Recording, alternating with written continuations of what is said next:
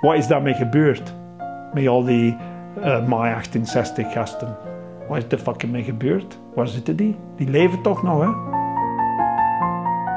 Alles wat je nu hebt, is maar een gunstregel.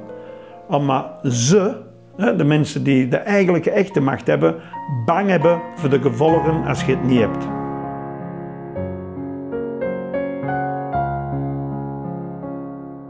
Jij kwam van, van, van een sociale woonwijk, maar jij mocht wel naar een chique school, hè?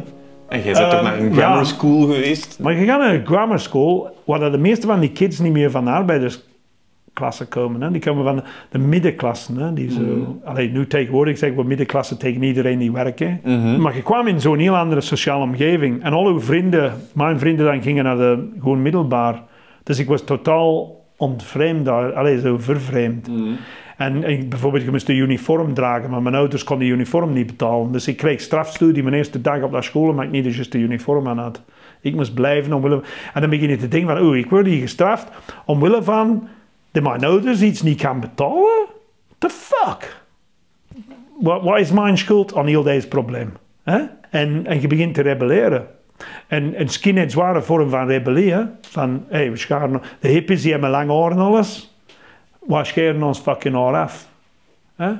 Die hebben love and peace en laat de wereld maar draaien. Agressie, maat. Agressie. Anybody gets in my way, I'll fucking kill him. En, en, en je begint zo met die... Dat was de rebellie in een tijd ook. Hè? Maar we hadden cool muziek, goede kledij en iedereen had bang van een skinheads. Hè? Want die weten van... Ga ze misschien een kleine, like ik, maar je hebt twintig maten die ook zo psychopaten zijn. En, en uh, dus iedereen niet toe gerust. Dus dat is zo'n soort van working class reaction. Je hebt zo gerebelleerd dat je ze buitengesmeten op school? Of Maar het had geen zin meer om te gaan. Hè? Ik kwam op een heel arme gezin. En in die tijd gaven ze warme maaltijden in school. Onder de middag. Je moest ervoor betalen. Maar als, je onder, als je inkomen van je familie onder een bepaalde norm was, kreeg je gratis maaltijden. En s'morgens wordt de register genomen. Wie is hier, wie niet. En wat het hem zei was, al diegenen met een gratis maaltijd, ga even daar tegen de muur staan en ik kan nu het geld van de rest innen. Dus dat stigmatisatie begint. En zo voelde dat, want jij moest tegen de muur gaan staan. Ja, tuurlijk. Wat, wat voor een stigmatisatie is dat aan de kinderen? Van, hoe dat zijn de gasten die geen geld hebben. En als je zo'n gast hebt die tegen u zegt, die van een zo'n snotfamilie komt met veel geld, zegt, u, geld net geen geld, dan geeft hij die kopstoot. Hè? Hey, snap je? En, en dus je begint zo te zeggen, deze systeem is niet voor mij. Hè? Deze systeem is tegen mijn familie. Terwijl ik mijn vader zie werken dag en fucking nacht en mijn moeder zie werken dag en nacht en die verdienen niet veel. En het systeem is precies opgezet tegen hen, want die hebben het geld niet. Dus dan beginnen te denken van, hé, hey, wat wil ik fucking doen? Kus mijn kloten. En dan beginnen te rebelleren en ik ging niet meer naar school. Wat is de fucking nut? Ik kan toch niks doen. Ik kon niet meegaan op die buitenlandse reizen. En al de rest, maar het geld er niet voor.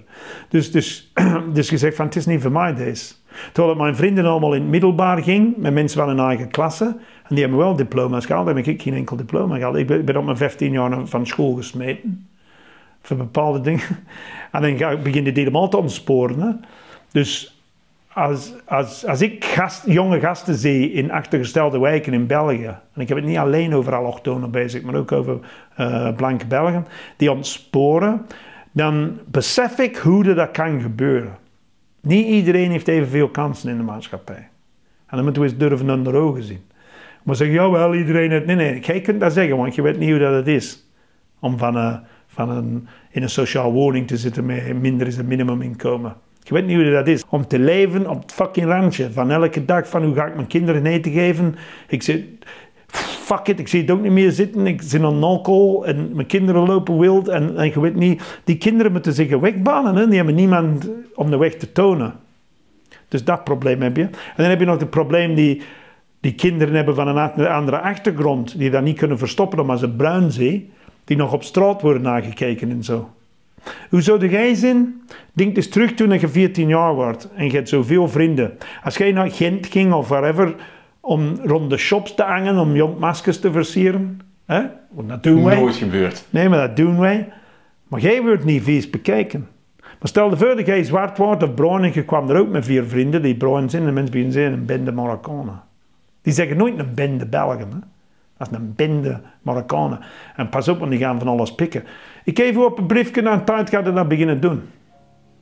Om, om de stereotypen te bevestigen. Hè? Dus je kunt inbeelden hoe dat, mensen ontsporen in bepaalde bevolkingsgroepen. Als je dat niet snapt, dan heb je geen jeugd gehad.